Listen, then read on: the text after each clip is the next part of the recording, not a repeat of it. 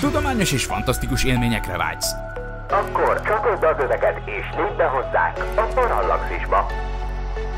Üdvözlünk a Parallaxis univerzumban! Figyelem! A műsorban spoilerek bukkanhatnak fel. 12 éven aluliak számára nem ajánlott. Az MD Média bemutatja. Majd a végén visszakérdezünk, hogy milyen volt műsort vezetni. Igen, még azt is felírtam, hogy ha elfelejtenénk, vagy ha én elfelejteném. Az is bele van írva? Ezt ja. is, én ezt is felírtam magamnak, hogy, hogy Norbit megkérdezni a végén. De ezt nem látom. Hát a legalján, a, a lekonf előtt. Többiek megkérdezik Norbit. ha tetszett a műsor, ne felejtsük. Ja, lekonf. Ja, ott, Miki. Ah, ja, ja, oké, okay. faszal. Többiek megkérdezik Norbitől, át ez az, ez csoda. Igen. Csoda, jó. Oké, okay. akkor igazából felolvassuk ezt az egészet. Előre megírt script. Na jó.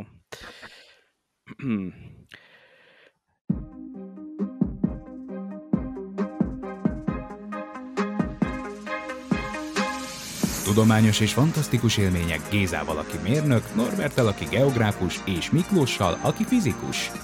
Ez itt a Parallaxis, az MD Media tudományos és fantasztikus podcastje. Konspirációs elméletek világába teszünk egy kitérőt, és megnéztük a híres Roswelli UFO észlelési eseményhez kapcsolódó állítólagos idegenboncolást, amelyet egy 1947-es kópián örökítettek meg. Filmünk főszereplői a nagypénz reményében a megsemmisült eredeti felvételt a barátaikkal közösen újraforgatják. Köszöntök mindenkit, ez itt a Parallaxis 82. része, a mikrofonnál Barkóci Norbert. A 2006-os UFO boncolás című megtörtént eseményeken alapú film lesz a műsorunk témája, és be is mutatnám a mai műsorvezető társaimat. Itt van velünk Pécsi Géza. Szia Géza! Hello, hello! És persze a jól megszokott módon itt van velünk Vince Miklós is. Szia Miki! Sziasztok! Mielőtt viszont belekezdenénk a mai beszélgetésünkbe, ne, ne felejtsetek el lájkolni és feliratkozni, premier előtti tartalmakért pedig kérlek fizessetek elő a patreon.com per parallaxis oldalon keresztül. Na srácok, én úgy gondoltam, hogy elsőnek próbáljuk már meg néhány ilyen alap def- definíciót lefektetni, hogy mit is értünk UFO alatt. Ugye nyilván a, a rövidítés, hogy Unidentified Flying Object, azonosítatlan repülőtárgy, az, az már úgy, az úgy velünk van régóta, bár ugye most már tudjuk, hogy most már az új, új rövidítés, az új terminus technicus a UAP, Unidentified Aerial Phenomenon, az az azonosítatlan légi jelenség, hogyha napra készek akarunk lenni. Úgyhogy ti hogy álltok ehhez a kérdéskörhöz? Van-e földön kívüli élet? Ha van, akkor intelligens, és ha van, és intelligens, akkor, akkor már látogattak-e minket meg? Mert hogy az a kérdés, ugye, hogy megtörtént-e vajon ez az esemény, mármint ugye a Roswelli híres uh, UFO landolás, de hogy álltok ez a kérdéskörhöz? Ez a kérdéskör, ez igazából több kérdés egyben, azért kör, gondolom. Szóval, hogy az, az egy más kérdés, hogy van-e a világegyetemben intelligens élet, meg hogy ide jöttek-e valaha, és hogy az általad emleget, emlegetett UFO-k vagy UAP-k azok vajon tényleg földön kívüli eredetűek-e? És egy harmadik kérdés, hogy a Roswellivel mi a helyzet. Most, hát ugye, mivel ez három kérdés, ez részemről három különböző válasz. Egyrészt szerintem van intelligens élet az univerzumban az emberiségen kívül, másrészt nem tartom kizártnak, hogy valaha ezek eljöttek a Földre, de én azt gondolom, hogy, hogy ezt, ennek a nyomait a régmúltban kell keresnünk, tehát mondjuk jobban hiszek annak az ötletnek, hogy kozmikus régészet eredményeként a naprendszerben itt-ott kallódó űrszonda darabokat találunk majd esetleg, vagy a Holdon elszórva egy ilyen idegen eredetű szemetet, amit az elmúlt néhány százmillió évben oda lerakottak. A harmadik kérdés, hogy, hogy ez, amiket az emberek az égen látnak, hát én azzal kapcsolatban még őszintén szóval nem találkoztam olyannal, beleértve azt is, amit én magam láttam, lelkes gyermekkoromban, amit ne lehetett volna megmagyarázni egyszerűbb magyarázattal, mint mint az a rendkívül, ugye, ugye rendkívüli állítások rendkívüli bizonyítékokat igényelnek. Tehát az, hogy valami fényes dolog megy az égen, amiről nem tudom micsoda, az, hogy nem tudom micsoda, ami igen gyakran előfordul, ezért unidentified, azonosítatlan, abból ugye még rohadtul nem következik, hogy az egy idegen űrhajó. A Roswell esetet én imádtam, amikor kicsi voltam. Én konkrétan nem ezt a filmet, amit ma kibeszélünk, hanem amiről szól ez a film, azt én annak idején kikölcsönöztem a videótékából, és én hinni akartam, akkor persze az a legviccesebb az egészben, hogy akkor nem, ugyan nem lehetett tudni, hogy ez egy hamisítvány, de akkor is jöttek a tudomány képviselői, és mondták a baromságokat, Például azt, hogy ezen a boncoláson mindenképpen egy progériás kislány, egy korai öregedésben szenvedő kislány valódi boncolása látható. Ezt konkrétan én az élet és tudományban olvastam annak idején. Tehát ennek fényében most rohadt vicces, hogy most ebből a filmből megtudhatjuk, hogy egy londoni lakásban forgatták egy gumibabával az egészet, és, és nagyon meggyőző szaktekintélyek annak idején nagyon hangsúlyozták, hogy hát ez ugyan nem UFO, hanem egy progériás kislány, ezzel szemben egy valóban egy ufonautát ábrázoló jelmezt boncoltak föl, ami egyáltalán nem volt progériás kislány. Szóval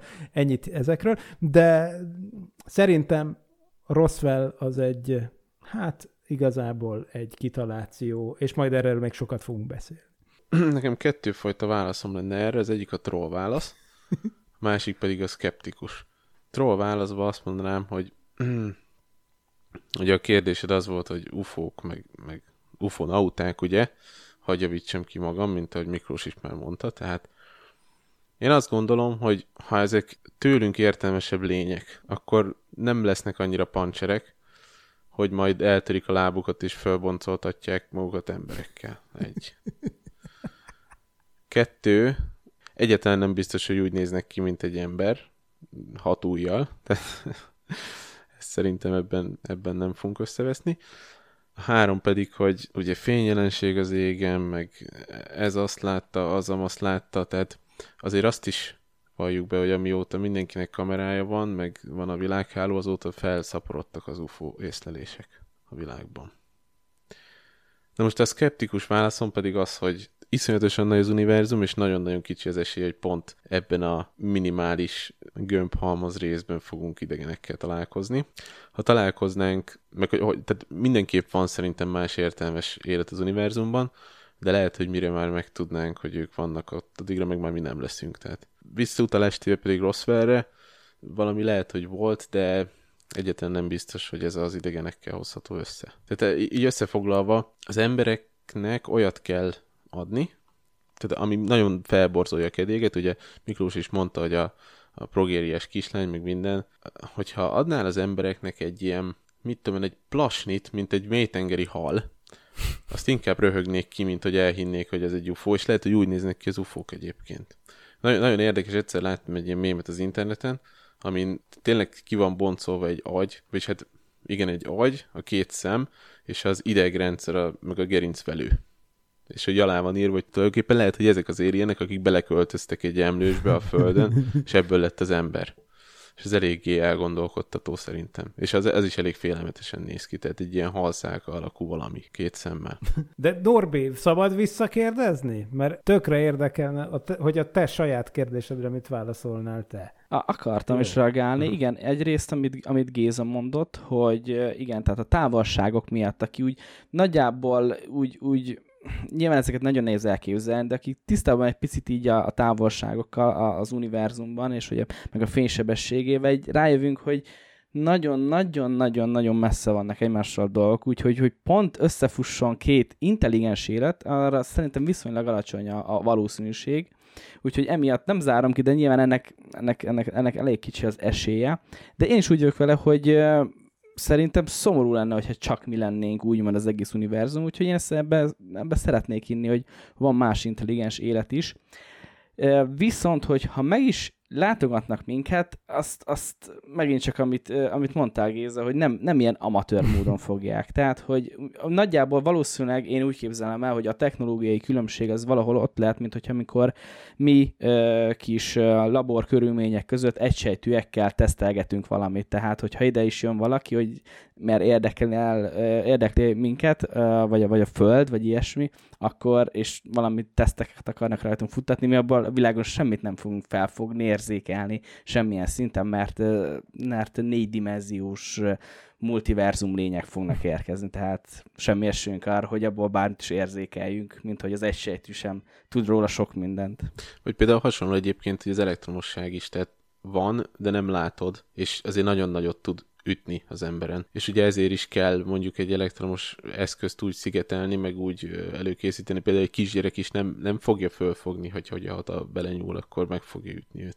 Tehát az is itt van. Nem, nem is beszélve, hogy a, a, a radioaktivitásról, a különböző ilyen energiás, energiával rendelkező részecskékről, amik ugyancsak itt vannak, de mégse látod őket. Az is egy érdekes dolog, hogy mi van, hogyha itt vannak egyébként, de nem fogod látni őket, meg nem fogod érezni őket. Mármint a ufonautákat, ugye? És én annyit szeretnék hozzáfűzni ezekhez a valószínűségek, meg egyéb bizékhez, hogy amikor az emberek úgy elkezdtek úgy ufokat észlelgetni, annak ugye az első nagy felívelése az a 40-es években volt pont, amikor ugye a Roswell incidens is történt, bármi volt is az. Ugye maga a Flying Saucer, ahogy ezt annak idején hívták, repülő csészeaj, kifejezés is azt hiszem 1946-ból vagy 47-ből származik, tehát ez kon- kon- konkrétan akkor egy nagyon, nagyon felkapott és új kifejezés volt. És azt akarom mondani, hogy most ti a jelenlegi tudásotokkal máshogy látjátok a világot, mint az akkori emberek, mert 1940-es években egyáltalán nem lehetett volna kizárni, hogy legfeljebb valószínűsíteni, hogy nincs így, de nem lehetett kizárni, hogy például a Marson nem laknak értelmes lények. Vagy akár a Vénuszon. Jó, az 1900-as évek elején ez még teljesen mainstream gondolat volt, hogy a Marson csatornák vannak, a lelke, és hogy valószínűleg ért, értelmes lények készítették őket, akik vagy kihaltak, vagy nem, de hogy minimum, hogy a múltban léteztek. Ez azért más a leányzó fekvése, hogyha úgy nézitek a dolgot, hogy mondjuk a szomszéd bolygóról átűrhajózni ide. Tehát akkor azért egyáltalán nem tűnik annyira rettenetesen valószínűtlennek ez a történet. Persze ma már tudjuk, hogy ugye ez nem áll fönt. A másik meg, amit Norbi mondott, e, most pont jó az időzítés, mert a 154. szokolébresztőben a Drake formuláról, meg a Fermi paradoxonról volt szó, és, és ennek keretében ott elhangzott egy számítás, hogy hogy, hogy oké, okay, hogy az univerzum meg a galaxis az rohadt nagy ám, de valójában hogyha egy civilizáció úgy szépen úgy nekiáll rendesen betelepíteni az egészet, úgyhogy mondjuk 400 évet tölt egy bolygón, és aztán tovább áll egy másikra, de nem úgy, hogy közben ott is marad, meg, elő, meg gyak, lényegében egy gyarmatosítási hullám elindul, akkor az egészet néhány millió év alatt le lehet tolni. Ami ugye kozmikus időskálán semmiség, tehát hogyha mondjuk gyarmatosító szándékkal érkezel ide, akkor nyilván az nem véletlenül történik, mert abban egyetértek, hogy egy ekkora univerzumban véletlenül összefusson valaki, két, két egyidejűleg létező civilizáció, annak úgy kb. nulla az esélye, de hogyha egy gyarmatosító hullámot képzelünk el, aminek nyilván vannak előörsei, amik elő, mint Kolumbusz, hogy előbb oda megy szétnézni, de nem rögtön a gyarmatosítók, akkor, akkor azért, tehát én nem, nem gondolnám azt, hogy, hogy valószínűségi alapon, hiába marha nagy az univerzum, hogy tisztán valószínűségi alapon úgy igazából ki lehetne zárni ezt a sztorit. Az már kicsit gyanúsabb nekem a Roswell incidensben, hogy éde érdekes, lezuhan valami furcsaság, éppen egy amerikai légitámaszpont mellett. De hogy ennek a valaminek amúgy semmi köze az amerikai légitámaszponthoz, hanem éppen a 100 millió fényévről jött ide. De amúgy éppen egy amerikai légitámaszpont mellett lezuhan valami, de érdekes. Hát azért, azért az emberbe föl kell, hogy merüljön, hogy azért talán a kettőnek azért ez már túlzást lenne. Az már tényleg én is azt mondom, hogy valószínűségi szempontból is kicsit problémás a történet. Hát inkább a csendes óceánba zuhannak. Igen. Pontosan. És hogyha már UFO észlelések, um, ugye említették, említettétek, hogy korábban is voltak már ilyen megfigyelések, de az utóbbi időben úgymond a digitális kamerák elterjedésű, tehát talán még többet lehet uh, YouTube-on és itt-ott uh, ezekkel találkozni. Nektek volt-e hasonló, vagy, vagy valami olyasmi élményetek, amit, amit első körben nem tudtatok meghatározni? Most nyilván nem arról van vagy nem azt akarom kérdezni, hogy kis zöld embereket láttatok-e és, és tapisztátok-e őket, hanem hogy valami olyasmi jelenség, amit, amit nem tudtatok megmagyarázni. nekem most így hirtelen, miközben mondtad, eszembe jutott egy eléggé érdekes sztori. Ez körülbelül egy tíz éve történt, és akkoriban ne, ne, nem lövöm le a poént, tehát mentem autóval, és így azt láttam, hogy itt a városban, ahol lakom Vácon egyébként, így megálltak az autók, és kiszálltak az autóból, és rendesen elfogott, tudjátok, ez az ilyen amerikai filmes sztori, hogy úristen, valami van az égen, és tényleg mindenki nézett fel az égre, és azt lehetett látni, hogy három darab fény így megy fölfele. És így eleinte még néztem is, hogy wow, ez micsoda. És mindenki ugye kiszállt az autóból, és néztük, és ugye back, tehát a háttérsztori az egésznek, hogy akkoriban divat volt az, hogyha valakinek születésnapja vagy névnapja volt, akkor ilyen hélium is lufi alá raktak ilyen mécsest. És hogyha azt este, indít, este indítottad el, akkor az így nézett ki. Na de hogy ez az is inkább azért volt nekem ilyen, ez hanyadik típusú találkozás, Miklós, segíts nekem? Hát szerintem ez az első. Akkor első. Nem? Azért volt ez nekem Tehát, ilyen első... látsz egy pöttyöt Igen, az azért volt nem... első típusú találkozás élményem, mert az emberek birka módra megálltak és kiszálltak az autóból és nézték. És vették kamerával, és gondolom, hogy ha akkor lett volna TikTok már, akkor biztos ment volna föl, hogy úristen UFO van. Tehát értitek, most ez egy olyan dolog, hogy én, hogyha nem... Tehát lehet, hogy nagyon sokan úgy feküdtek le aznap, hogy úristen, vannak ufók tényleg. Tehát szerintem iszonyat relatív ez az egész dolog, de nekem ez volt az egyetlen olyan, amilyen egyébként meg... De, de akkor nem ö, utólag, ja, vagy hogy ezek voltak, ezek a héliumos lufik? Ezek a héliumos cuccok ja, ja, voltak, már utána láttam több ilyet már, Aha. csak hogy az akkor az én újdonságnak tűnt.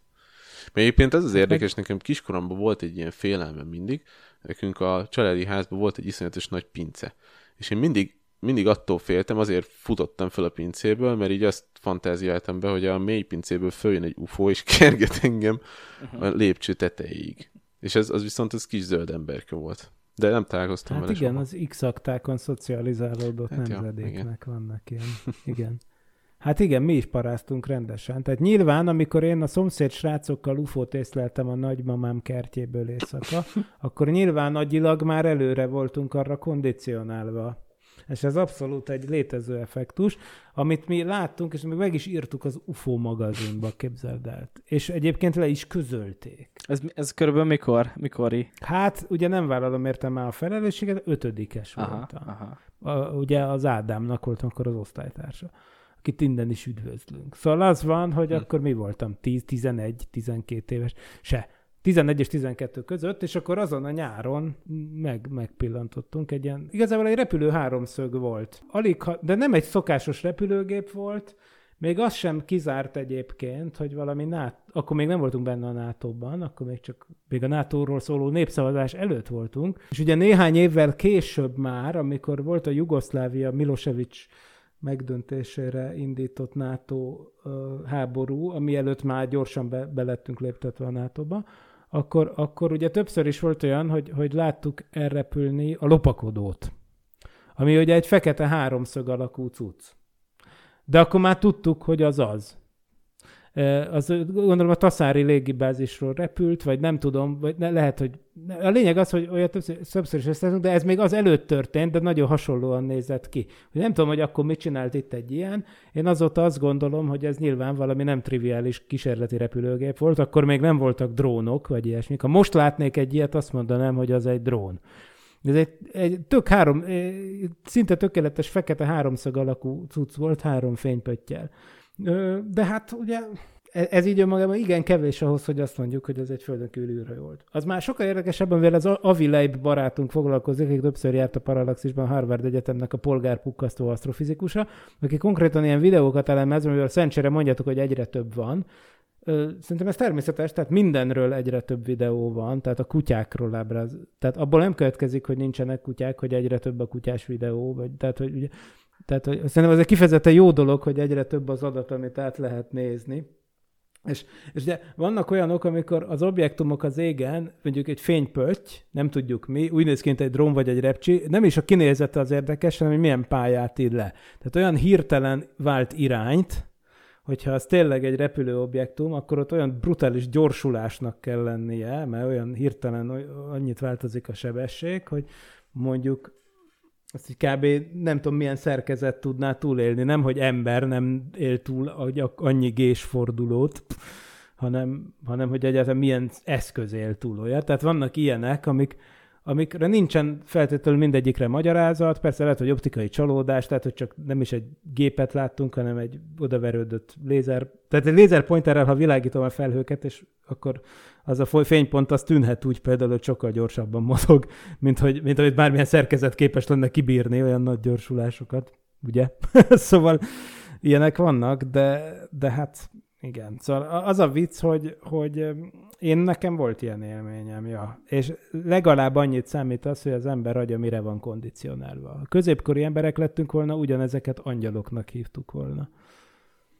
Na és most, amikor beszélgetünk, most jutott eszembe, hogy amúgy én egyszer lefényképeztem egy ufót, mert hogy mondta, mondta Miki, hogy az Avi pont ezeket analizálja, amiket így beküldenek neki, és ezt én meg fogom keresni, mert én, le, én, én ezt el is küldtem valakinek ezt a képet Angliában, mert azt találtam a Google-on, hogy ő foglalkozik ilyenekkel, és az a sztori, hogy 2008-ban voltunk Tunéziában nyaralni. És este csak csináltam egy képet a tenger felé, földközi tenger felé, és utána nézegettem vissza a képeket, és azon az egy képen full látszik egy ilyen űrhajó-szerű valami. Se, tehát se a hold nem lehetett semmiben, nagyon ilyen, nagyon furcsa űrhajó-szerű volt, és akkor azt elküldtem a, ennek az UFO kutató emberkének, és ez vissza is írt, hogy hát igen, tulajdonképpen nem annyira jó a minősége, de hogy elrakják ez egy ilyen, egy ilyen interesting possibility folderbe. Ennyit, ennyit kaptam vissza. Ó. De figyelj, majd rakjuk ki az adás, adást Igen, azt mindenképp meg fogom keresni, és el fogom küldeni. Tehát nyilván rohadt szkeptikusak vagyunk, de nem tudománytalan dolog amúgy az alapötlet, tehát elvetni meg nem hát igen, szabad. Nem. Nem. Ja. Tehát nincs fizikai törvény, ami tiltaná, hogy ide repüljön valaki, mint hogy mi is oda repülünk máshova. Ja. Szóval... De úgy visszatérve erre a szószörre, hogy ez nem csészealjat jelent, hanem ugye az a, ugye az, az, az a fajta edény, amiből vagy a tejszint öntik, vagy ugye ezeket igen. a szószokat, a ugye húsokhoz. Tehát igen. Az, igen. az egybe szokott lenni a csésze aljal általában, hogyha lecsöppen, akkor az megfogja, de hogy a... Igen, igen, de magyarul mégis ez a repülő hát, csésze alj honosodott igen, meg, mert ugye hát ilyen bum, kultúrbunkó periférikus civilizáció vagyunk. ja. ja.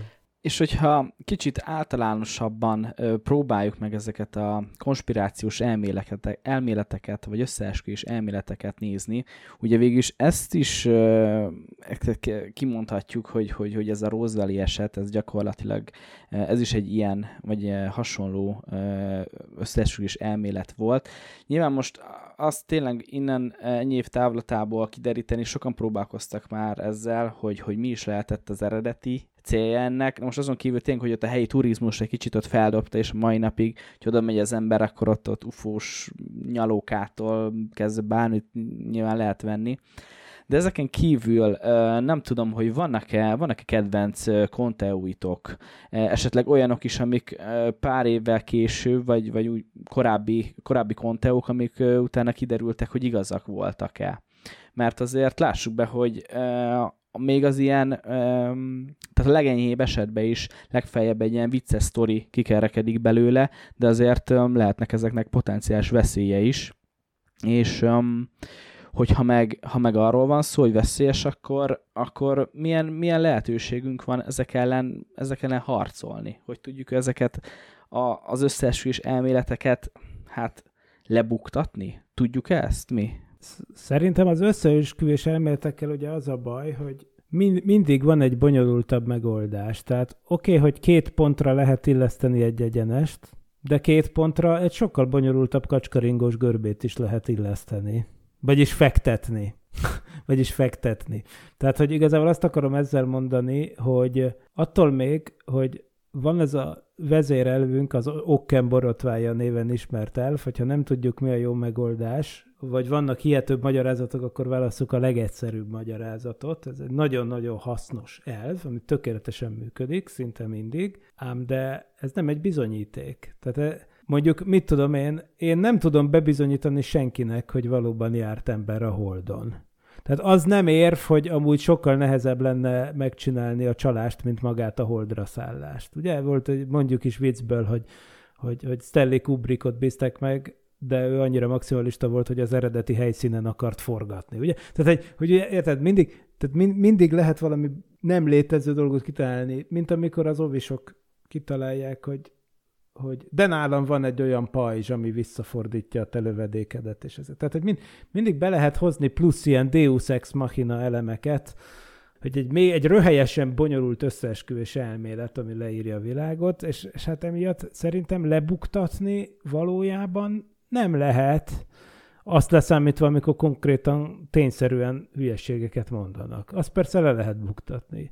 De azt, hogy minden mögé még egy extra háttérhatalmat oda lehet vizelni, rétegként rakni, hát most igazából szerintem józ, a józan paraszti észen kívül erre formális logikailag nem létezhet cáfolat.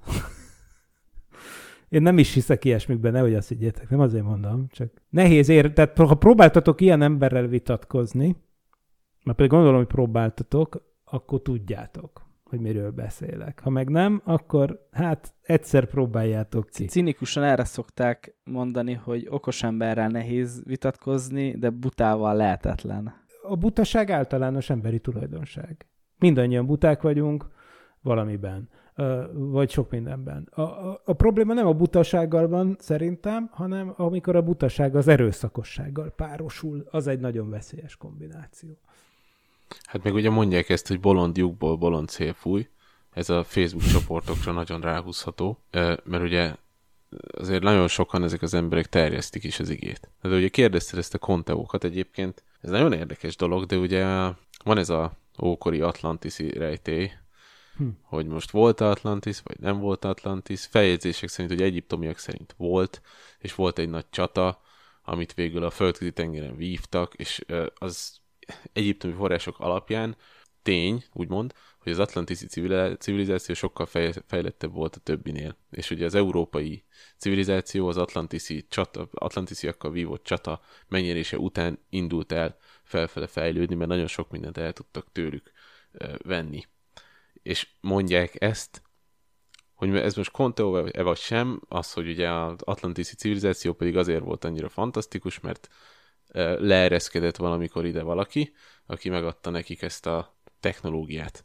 És ugye ezt látjuk több, több ilyen ábrázolásban is, és ugye azt mondják, hogy ezért is van az, hogy amikor ugye konkvisztátorok jöttek Amerikába, akkor azt hitték tulajdonképpen, hogy az istenek jöttek vissza, mert ők azt vallják, hogy egy fehér bőrű emberke jött hozzájuk keletről, hmm. tehát az ó, ó, a, a tenger felől, és ő hozta nekik az, az értelmet, és hogy ő tér vissza. Tehát azért vannak olyan konteók is, amik, amik mellett azért nagyon nehéz elmenni szerintem, és akármennyire is uh, művelt az ember, azért eljut egy olyan szintig, amikor azt kell, hogy mondja, hogy na, hát azért valami van. Igen, és ugye, csak igen, ilyenkor persze a forráskritika is nehéz. Hát, Tehát van, nem értünk van. hozzá, nem tudjuk az inka szövegeket elolvasni, nem tudjuk az egyiptomi szövegeket. Ez így van. Tehát általában az a baj, hogy akik terjesztik, azok eleve olyan prekoncepcióval állnak hozzá, hogy szűrik az adatokat. Tehát, hogy azt építik, ugye innen lehet felismerni a Dan Brown féle akármiket is, meg az összes ehhez hasonló valamit, hogy, hogy aki egy szépen tetsző elméletbe beleszeret, az eléggé szelektíven fogja tálalni a tényeket. Tehát minden olyat elmond, ami beleillik az ő koncepciójába, ha, ha egy kicsit meg kell gyúrni, gyömöszölni, alakítgatni, akkor is, ha el kell belőle hallgatni valamit, akkor elhallgat, hogyha hozzá kell költeni, akkor ne adj Isten, még az is előfordul, hogy hozzá költ, és igazából sajnos az átlagfogyasztók, mint mi, mert mi azok vagyunk, nem vagyunk ilyen történeti, forráskritikai, izé, régészeti, meg mit tudom én, milyen szakemberek, ezért aztán hát nagy, tehát általában mind marha meggyőző, ami ilyen. Tényleg. Tehát, hogy, hogy ne, nehéz, nehéz, mert ráadásul az ember szívesen hinne ilyesmiben. Igen, de hogyha belegondolsz, ez valamilyen szinten kellett is, tehát például a Bibliát is azért kanonizálták, azért az, az, az átlagember számára is értető legyen, és azért egy alap két kezével dolgozó valaki ne kérdőjelezzen meg minden második sort belőle. Ami egy szintig oké, okay, csak például ebből is elindultak ilyen konteók, hogy ugye az a tulajdonképpen Isten is, amikor szövetségeskedett az emberrel, az tulajdonképpen az egy földön kívül is a szövetség volt, és hogy a templomok is azért csúcsosak, és azért néznek fölfele, mert ugye rakétát ábrázolják, mert hogy azzal jöttek az idegenek. Tehát ilyeneket is hallottam azért. Hát meg, hogy eleve majdnem minden civilizáció az égbe helyezi az, égbe, az igen, Istent. Igen.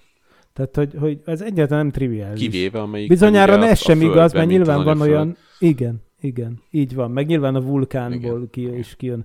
De, de hogy úgy általában az az állítás, az Istenek a hegyen laknak, hogy az Istenek az égben vannak, hogy az égből lereszkedtek le, Csaba királyfi a csillagösvényen, mit tudom én, mit. Tehát, hogy igazából ez így, így érdekes, érdekes dolog.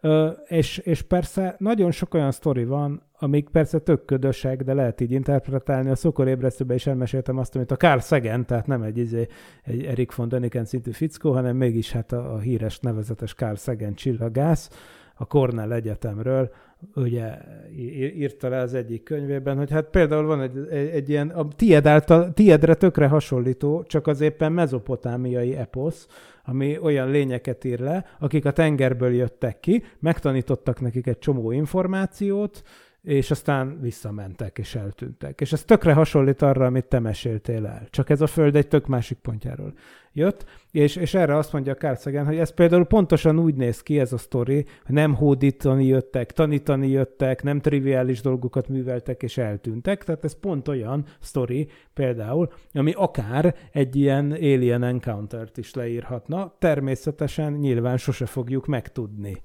Hát igen, de hogyha megnézed, azért akkor még nem volt olyan fejlettségű az emberiség, mint most, mert pont ezen beszélgettünk, az egyik kollégámmal éppen utaztunk Németország felé, és akkor voltak ezek a alien észlelések Amerika felett, és hogy ez meg nekem fura, hogy most meg látnak valami UFO-t, vagy mi volt a másik, amit mondtál? Uh, UAP. U- UAP. A... De látnak egy UAP-t, szóval mennek, és lelövik a be. Tehát szerintem ez egy kicsit ilyen, hogy mondjam, hát most Na, tehát jön, jön amerikai valaki, lehet, hozzáállás. Küld... Ja, amerikai hozzáállás. Tehát küldtek volna egy-kettő ilyen messengert, vagy ezt a földerítőt, aki semmit nem akar, csak így végigmegy, nézelődni, és akkor jól előjük. Tehát azért a mezopotámiaiak maximum dárdákkal mehettek ellenük. Oké, okay, hogy kínai kémballon, tehát hogy most így mit, mit teszel? Érdekes. Jó, oké, okay, ezt, ezt én értem. De csak most gond, tehát gondolj el egy, egy, egy kis aranyos földön kívüli faj uh, Igen. jön ide, akik nagyon okosak, és Békében. alapból is szét Igen. tudnak robbantani a földet, de oda jön, hogy figyelj, mit tudom XYZ, menjetek ki, nézzetek körbe. Más dolog egyébként, hogy miért jönnének be a légkörbe, azért, hogy körbenézzenek, zárója bezárva, de menjetek be, nézzetek körbe, és akkor szóljatok, hogyha mehetünk. És akkor bemennek, azt jól elevik őket. Tehát hm. Azért a mezopotámiaiak ilyet nem tettek szerintem. Hát a mezopotámiaiak nyilván nem. De hogyha belegondolsz, még bocsánat, egy gondolat, vannak most olyanok, meg vannak ezek a cikkek, hogy vannak ugye a brazil őserdőben ilyen, ilyen kis csoportok, akik full érintetlenek, benszülött csoportok, és azok is azért nyilazzák a helikoptert. Rendesen. Igen, hát ez egy emberi tulajdonság. Tehát én valószínűleg úgy gondolnám, hogy a sumérok is baromira meg voltak ijedve, és ők is igyekeztek volna nyilazni talán, vagy nem tudom nem tudjuk meg, ugye, nyilván óriási technikai fölény, az továbbra is gondolom adva van, tehát ha valaki idáig eljut, úgy, hogy ide küld egy űrszondát, az minimum évszázadokkal előttünk jár technikailag, ami nagy, de lehet, hogy évezredekkel vagy évmilliókkal. Szóval Érdekes. Az ismeretlentől való félelem, igen, az, az belénk van kódolva, és az, az a mai napig ugyanígy, igen, az fennáll.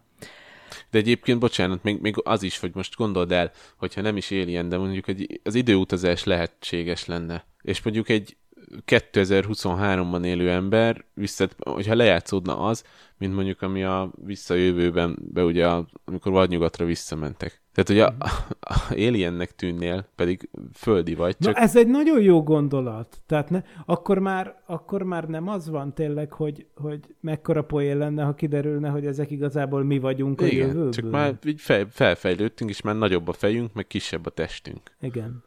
Mert egyébként, ha megnézed azt, hogy a Shapiro nevű antropológus, ja, a Shapiro nevű antropológus, hogyha megnézitek, hogy miket írt a 70-es években, hogy milyen lesz az emberi faj. Fantasztikus természetrajz című zseniális magyar könyvben, ami maga egy, maga egy ő, maga a Parallaxis podcast előképe igazából az egész, mert pont olyan az a könyv, mint amikről mi szoktunk beszélgetni. Szóval ez egy zseniális könyv.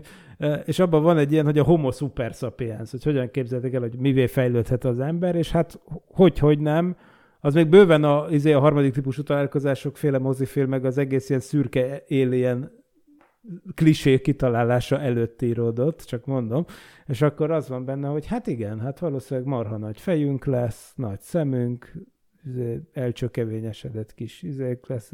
Tehát tök vicces, hogy lényegében kijön. Lényegében kijön. Ugye a nagy különbség az az, hogy, hogy jelen tudásunk szerint a fizika törvényeivel nem összeegyeztethető a visszafele időutazás, viszont az bármilyen távolságú űrutazás viszont igen. De amúgy nekem jobban tetszene az a sztori, hogyha tényleg a saját jövő, jövőnkből érkeznénk. Csak jelen pillanatban, nyilván mert én vagyok itt a fizikus, most azt kell mondanom, hogy valószínűleg akkor, hogyha ilyenek vannak, akkor azok inkább messziről jönnek, mint a jövőből.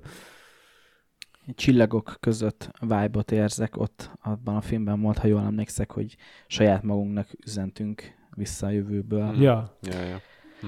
Mm, A filmben, hogy emlékeztek, ugye a, az eredeti felvétel ugye az, az megsemmisül szerencsétlen módon, úgyhogy ebből adódik a filmnek a bonyodalom, hogy újra kell forgatni azokat a bizonyos jeleneteket, és ugye a, a főszereplő srác emlékezetére vagyunk hagyatkozva, mert ugye csak egyedül ő látta a, a, a filmből, a szereplők közül az eredeti felvételt, és itt nekem, nekem fel, felmerült ez a kérdés, ugye, hogy, hogy az emlékezetünk, amennyit, hogy mennyire, mennyire megbízható a mi, a mi memóriánk. Mert ugye nagyon sokszor uh, nagyon biztosak vagyunk benne, hogy például mit láttunk, vagy mit mondtunk, még, még sok évvel ezelőtt is. Van, aki ugye fel, tudja emléke, fel tud olyan emlékeket is hozni, amire, amire tényleg több évvel ezelőtt történt vele. És akkor ne is beszéljünk olyanokról, hogy 40-es években mik történtek. Viszont azért vannak ilyen, vannak ilyen kutatások, amik, amik direkt ezeket célozták meg, hogy, hogy mennyire, mennyire is bízhatunk meg a saját emlékezetünkben, és nagyon sokszor van az, hogy, hogy apróbb, kisebb vagy nagyobb különbségeket ugyanabban a sztoriban, ugyanabban, az ugyanazok a részvevők máshogy mesélnek el, és egyáltalán nem azért, mert hazudnak, vagy meg akarják vezetni a többieket, egyszerűen, egyszerűen így emlékeznek rá, holott lehet, hogy a valóság az, az egy harmadik féleképpen történt. Ugye vannak erős kutatások, hogy máshogy működik amúgy a férfi meg a női agy is. Tehát, hogyha ugyanazt a filmet levetíted egy nőnek meg egy férfinak, akkor a férfi másokat lát meg a filmből, mint egy nő, meg hogyha csak egy képet nézel egy másodpercig, akkor ez nagyon érdekes, vannak ilyen tesztek, hogy van egy helikopter, és akkor rákérdeznek valamire, hogy volt-e mellette valaki, és nagyon érdekes, hogy a nők, nők így a, a környezetre is reflektálnak, de a férfiak meg csak a lényegre. Mármint arra, ami szerintük Ami szerintük a lényeg, igen, csak hogy tök, tök más dologra. Tehát, hogy lehet, hogyha mondjuk egy nővel megnézették volna ezt az UFO boncolást, meg egy férfival, és utána egymástól függetlenül összerakadták volna velük a, újra a dolgot, akkor akkor lehet, hogy különböző dolgok jöttek volna ki belőle. Viszont, hogyha megnézzük, hogy a film végén ugye végül is azért restaurálni tudják ezt a felvételt, és amiket, amit ott látunk, azért, azért nem lőtt annyira mellé, mellé a srác, hogyha az tényleg az volt az eredeti. Jó, hát azért ne felejtsük el, hogy am- amúgy ez egy izé, egy komédia. Hát jó, igen. Ez egy baromi vicces film, Ugye talán még igazából nem is foglaltuk össze, de ugye ez valós eseményeken alapul, mert 1995-ben, amit mondtam az elején, hogy annak idején ezt én is kikértem a videótékából a barátainkkal, és átborzongva megnéztük azt a filmet, ami ugye elvileg az 1947-ben a Roswelli légibázis mellett lezuhant. UFO-ból, vagyis repülőobjektumból kiszedett kis lények közül az egyiknek a boncolását mutatja be. Ugye ez annak idején tényleg nagyot ment, és tényleg két angol adta közre a videót, annak idején. Ugye a, maga az alapsztori az az 1947-es nyári szeren, esemény, ami lényegében az, hogy valami lepottyant a Roswelli légitámaszpont közelében, és és a legelső híradások, amik ott megjelentek a helyi újságban, azok konkrétan a, helyi légitámaszpont szóvivőjére hivatkozva azt mondták, hogy egy repülő csészehaj, vagy hát fordítsuk akárminek ezt a flying saucert, az zuhant le. Aztán persze hamarosan helyesbítettek, hogy valójában egy meteorológiai ballon zuhant le. Ami rohadt gyanús az egész sztori.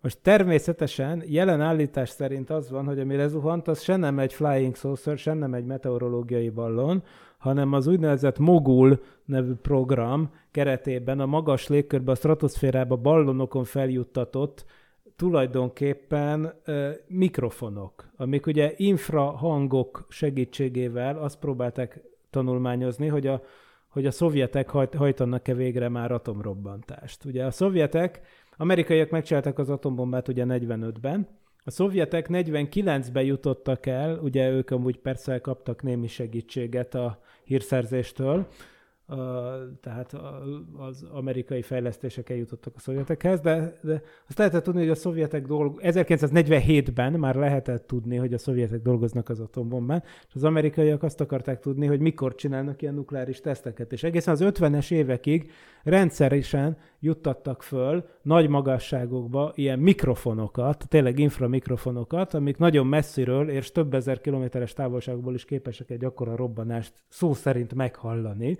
mint ami egy atomkísérlettel járna. Na most ez persze annak idején nem kötötték az emberek orrára, tehát ezt a 90-es években, pontképpen 97-ben, amikor a Roswell incidens 50. évfordulójára volt egy ilyen izé, jelentés, amit kiadott az amerikai légierő, akkor, akkor hozták ezt nyilvánosságra, hogy volt ez a Mogul nevű program, és egyébként ugye később persze előkerültek olyan szemtanúk is, akik azt mondták, hogy testeket láttak ott szétpotyogva. Most erre mondják, hogy ez lehet, hogy egy olyan sztori, mint amit említettetek, és visszakanyarodva az emlékezet kérdésére, hogy hogy az emlékezet az csal, illetve rekreált emlékekkel dolgozunk, meg beleépítjük egy narratívába. Például, ha nem is 47-ben, de az 50-es években tényleg voltak, például ott is, a Roswell, új-mexikói Roswell közelében, olyan tesztek, hogy stratoszférából katapultáló pilóták ejtőernyőit tesztelték bábukkal. Tehát konkrétan próbababákat dobtak le ilyen stratoszféra ballonokról, nagy magasságból, ugye még mielőtt emberrel kikísérletezték volna, értelemszerűen. Ezek tényleg úgy néztek ki, mint tehát ők lepottyantak, azok pont úgy néztek ki, mint egy megsérült emberi lény. Hogyha mondjuk olyan volt, hogy nagy nyomás miatt mondjuk fel is fújódott a buksiuk, akkor meg lehet, hogy még konkrétan hasonlítottak is egy földön kívülre. Szóval ilyeneket többen láthattak. Igaz ugyan, hogy az nem 47-ben volt, hanem 50-ben, de amikor 90-ben vissza kellett erre emlékezni, érted? Hát akkor ki emlékszik már ilyenekre? Tehát igazából nagyon sok ilyen valóság magban gyökerezhet ez az egész történet.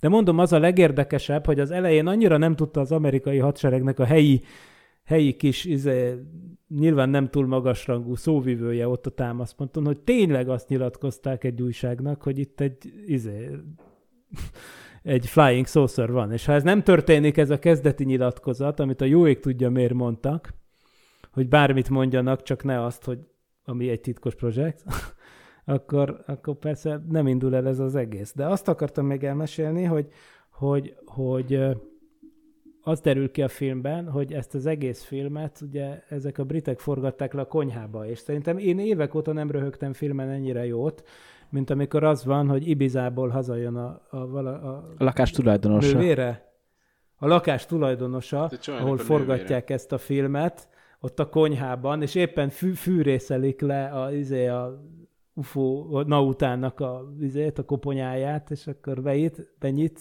látja ezt a jelenetet, amit éppen videóznak le a hamisítás filmhez, és elájul, és akkor mondják, hogy ez nem az, aminek látszik. Na, de várjatok még, egy valamire nem kaptam úgy választ a filmből. Amúgy tök jó, hogy felsejlik a filmben egy magyar szál, ezt se tudjuk, hogy mennyire valós, de van ez a Vörös László nevű maffiózó, aki lényegében ugye elvileg ugye azért hamisítják ugye a srácok ezt a filmet, mert félnek, hogy ez a gangster, aki pénzt adott nekik a filmért, ami aztán megsemmisül, az eredeti, a helyet kell ugye ezt legyártani, és hogy ők félnek, hogy ez így le fogja őket puffantani, amit ugye ki is lehet belőle nézni. A, na most ugye az a helyzet, hogy én láttam viszont annak idején a filmet, és a 17 perces UFO boncoláson kívül abban a filmben megjelennek még más dolgok is. Például több percen keresztül mutogatnak tárgyakat, amik elvileg az űreszközből származnak. Ezek ilyen fém darabok, amiken még ilyen karakterek is vannak, ilyen furcsa bigyok, és arról semmit nem tudunk meg ebből a filmből, hogy azok honnan készültek. Mert hogy igazából, ha láttátok annak idején, láttátok? Én nem láttam. Na majd nézzétek meg, mert vannak benne ilyen részek, amik azt mutogatják, és arra nem kaptam teljes magyarázatot. Tehát ha már összeesküvés elméletet kértetek, én egy tripla csavart is el tudok képzelni, hogy ez a konspiráció. Most csak hülyülök nyilván. De milyen lenne már? Tehát ez a film maga, meg ez a sztori a konspiráció. Mert csak, ez, csak, ez csak részben magyarázza azt amúgy, amit a filmben láttunk. Ez is az USA kormányának csak egy, még egy fedő rétege az egész sztorira, hogy na most már biztos, hogy most már azt hiszik, hogy igen, ez csak egy izé volt. Látod, mindig van egy bonyolultabb magyarázat. Most tartunk egy rövid szünetet, de maradjatok velünk, mert a reklám után visszatérünk. Támogatóink nélkül nem készülhetett volna el ez a podcast. Köszönjük! Légy részes a Parallaxis univerzumának patreon.com per Parallaxis. Folytassuk azzal a témával, amikor, amikor ugye elsőnek a nagy közönség elé tárják a filmet, és beözönlnek a moziba az emberek, mert addigra már ugye elterjed a híre ugye a filmnek, hogy, hogy ez az UFO boncolásról megtekinthető lesz az eredeti felvétel, ugye, eredeti, és rengeteg sok embert érdekel a dolog, előzönlik a, a mozit, és mindenki a lélegzett visszafolytva nézik a, a felvételt, és ugye a két főszereplőnk pedig hát, közben beszélgetnek, hogy szerinted, szerinted ezt el fogják hinni? Mert hogy, mert hogy ugye egyrészt kicsit gagyira is sikerül, az emberek viszont annyira akarnak ugye hinni, abban, amit látnak, hogy gondolom hajlandóak, ahol kilóg a lóláb, azokon ö, szemet hunyni. Úgyhogy ha, ha, mondjuk egyedül otthon, nyilván most 95-ben még, még nem beszéltünk azt, hogy, hogy otthon mondjuk letöltünk egy ilyen felvételt, de most ettől vonatkoztassunk el, hogyha valaki végnéz egy ilyen felvételt, ne talán még egy kicsit utána is jár, legalábbis a, a, az az egész, egészséges szkepticizmus meg kellene legyen benne, hogy, hogy nem biztos, hogy mindent el kell fogadni, amit, amit látunk ezeken a felvételeken. És ugye a filmben ennek pont az ellenkezőjét tapasztaljuk, hogy, hogy az emberek hinni akarnak benne, és hogyha még valakiből felismerül, hogy ú, basszus, ez, ez tényleg valódi lehet ez a felvétel? Ott tükrölt ez a rengeteg sok ember, akik, akik ugyanazt látják, mint ő is, és ők elhiszik, akkor, hát akkor, akkor, akkor ez csak, csak, csak valós lehet, hogy ha, ha, ha mindenki elhiszi. Hát igen, mondjuk erre visszatérve itt, amikor a nagyvetítés volt, amit, amit én nem értettem, hogy azért 95 van, 95-ben is volt korhatár, és azért ott ezt az UFO boncsolás elég sok kisgyerek nézi. Tehát azért szerintem ez legalább 18 pluszosra kellett volna csinálni a vetítést, de ugye nem nagyon kontrollálták, mert ott már annyira vérszemet kaptak, hogy 5 font, 5 font, gyerünk mindenki. Azért általánosságban érvényes ez a birka effektus, tehát hogyha másnak is, akkor nekem is, hogyha... Tehát szerintem aki már veszi a fáradtságot ahhoz, hogy elmenjen egy random kiállítóterembe megnézni valami premier előtti filmet, mert hogy ez egy UFO boncolás, az van, az van annyira fanatikus, meg az hinni akar annyira, hogy ő tényleg szemet fog húgyni. Hát felett szerintem. De aki mondjuk, amit te mondtál, tehát hogyha mondjuk, de, de hát mondjuk Mik- Miki is, tehát ő kikölcsönözte videótékából, és ő is hinni akart, és te hittél utána, Miki? Őszintén szólva azt hiszem, hogy, hogy nem. Csak az a, azon röhögök most magamban, hogy én addigra már olvastam az élet és tudományban, hogy ez egy progériás Ja, kislány boncolása. És ilyen értelemben hinni akartam már valamiben, és látjátok, ez ugyanakkor a baromságnak bizonyult, mint az eredeti történet. Mert mi már tudjuk, hogy ez egy gumibaba volt Londonban. Tehát akkor, ha már valami közelebb áll az, az igazsághoz, az az ufonauta, mint a progériás kislány. Úgyhogy látsz, látjátok, hogy, hogy azért ez néha kétélű dolog. Szóval persze, amúgy a marhára érdekelt a dolog, és, és hát mondom, e, e, erre a dologra nem kaptam választ, és ez azóta is fúrja az odamat, hogy mik voltak azok a fémbigyók, amiket ott külön mutogattak. Hát ez most már tényleg meg fogom nézni, hogy ezeket is lássam, mert ez, az, az, az, az, az még azért plusz. Tehát az plusz bizonyíték lenne, mert azért azt, azt nehézebb lett volna ugye ezt nekik uh, uh, egyrészt emlékezni is nehezebb, hogy mik vannak arra rakva, uh-huh. és ugye mivel az ember nem nagyon lát ilyet, ezért asszociálna az általunk használt írásjelekkel, tehát ő inkább olyat fog rárakni, ami egyrészt értető. De, de az a vicc, hogy simán lehet, hogy ez is egy ilyen rekreált emlék, és csak halúztam, és kiderül, hogy nem is volt ilyen filmrészlet. Mekkora Nem is volt ilyen lenne. film, szerintem. Ja. ja. Ugyanezt fogják majd mondani pár évtized múlva az egész Parallaxis, hogy Ja, hát nem is volt ilyen podcast. Nem is volt ilyen podcast, és akkor csak valakinek az emlékezetében élünk, és Igen. úristen. Miután csődbe megy a Google, meg a SoundCloud, meg minden, teljesen nyomtalanul el fog tűnni az egész. Ha csak Avilaib le nem menti a Holdra, a biztonsági másolatba. De úgy szerintem még nagyobbat ütött az, amikor a filmben leadják az, az ugye megveszik tőlük a különböző tévéadók ezt a klippet, és akkor utána lejátszik, és nekem nagyon tetszik az, hogy az ember így alá mondja, hogy, hogy és akkor most következzen az a klip, ami nagyon csak erős idegzetűeknek ajánlott, bla, bla, bla, és akkor utána így még kommentálja, hogy valószínűleg ilyen a 40-es években ilyen fűrészt használhattak a koponyelebeny eltávolításához. Tehát, hogy ez, ez, ez... De ez, azon gondolkozom, hogy az akár még egy eredeti is lehet, nem? Igen. Az a igen. filmbejátszás, Mégis, nem? Ja. Vagy nem? Az a, az a szakállas Mármint a fószer. körítés. Bocs. Ja, azt ez a, aha. Ő neki, ő neki volt uh, ilyen valamilyen ilyen misztikus uh, sorozata, sorozata. Aha. Ami, ami pont hasonló ilyen témák, azt szerintem ő direkt felkérték erre, vagy lehet, hogy már, már meglévő felvételeket vágtak Na ez, ez, tipp, ez, ez érdekes lenne kideríteni. Ja, de, de én simán elhinném. Tehát láttunk, ha nem, nem ezt, akkor konkrétan ugyanilyen jellegű dumákat. Tehát amit mi kikölcsönöztünk a videótékából, az sem csak az a 15 perces nyelvfel, Ugye ez nyers felvétel volt. volt. Ha, igen, persze, ez mindig így ment. Aha. Hogy, hogy, hogy nem az volt, hogy tényleg, amit ezek a srácok értékesítettek, az egy hangsáv nélküli negyedórányi videóanyag. Mind, eh, persze senki nem így adta le, csak úgy nyersen annak idején, meg a videótékekben sem így forgalmazták, hanem persze körítéssel. Sőt, az UFO magazintól meg lehetett rendelni ezt a videókazettát. Akkor lehet, hogy ezt ők csinálták, csak hogy bevételre Amúgy az a vicc, hogy van egy rossz, volt egy, már Isten nyugosztalja, de volt egy Roswell hívő űrhajós, a, a, a, az Ed Mitchell, aki járt a Holdon, és amúgy róla azt kell tudni, hogy, hogy persze ő akkor még kisgyerek volt, de ő Roswellben töltötte a gyerekkorát egyébként, az Apollo 14-en járt a Holdon, és amúgy egy végtelen intelligens ember volt, és az egyetlen ember, akivel, aki járt a Holdon, és én találkoztam vele, volt szerencsém, mert ő egyszer megfordult Budapesten, adtam is neki egy pólót, ő meg aláírás cserébe, szóval a hülyének is megérte. Na most, meg utána csináltam vele interjút. És akkor persze, az egyik dolog, amiről megkérdeztem az interjúban, az az, hogy most mit gondol erről a Roswell izéről, és akkor ugye az volt a szövege, hogy ő ugyan természetesen még életében nem látott ufót, vagy ufonautát, meg izét, meg konkrétan erről a boncolós videóról sem mondott semmit, meg ezt nem is kérdeztem, csak hogy mit gondol az egész incidensről, és arra azt mondta, hogy ő egy, ő egy magas rangú amerikai tábornoktól, akit nem nevezett meg persze, de hogy egy nagyon magas rangú amerikai katonatisztől hallotta, hogy itt tényleg történt ilyen, tehát ő hisz ebben. Na most ő is egyébként egy olyan ember, aki volt, aki, aki abszolút hinni akart mindig a dolgokban, tehát neki nagyon vágyvezérelt gondolatai voltak. Tehát ő neki, például Ed Mitchellnek, aki űrhajóskodása után abszolút elfordult az ilyen alternatív tudományok felé, vagy hát a tudományt azt nem is mondanám, szóval ilyen eh, ezobio, öko, transz, meta, para marhaságok felé.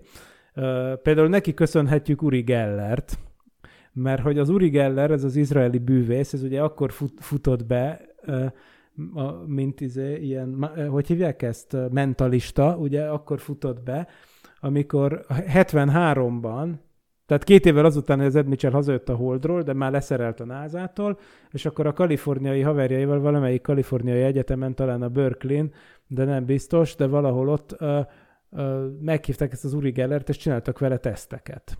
Ilyen szokásos gondolatátvitel teszteket, hogy, a, hogy le tudod-e rajzolni, amire én gondolok. Rá tudsz-e bökni ugyanarra a Cénder kártyára, mint amire gondolok, stb.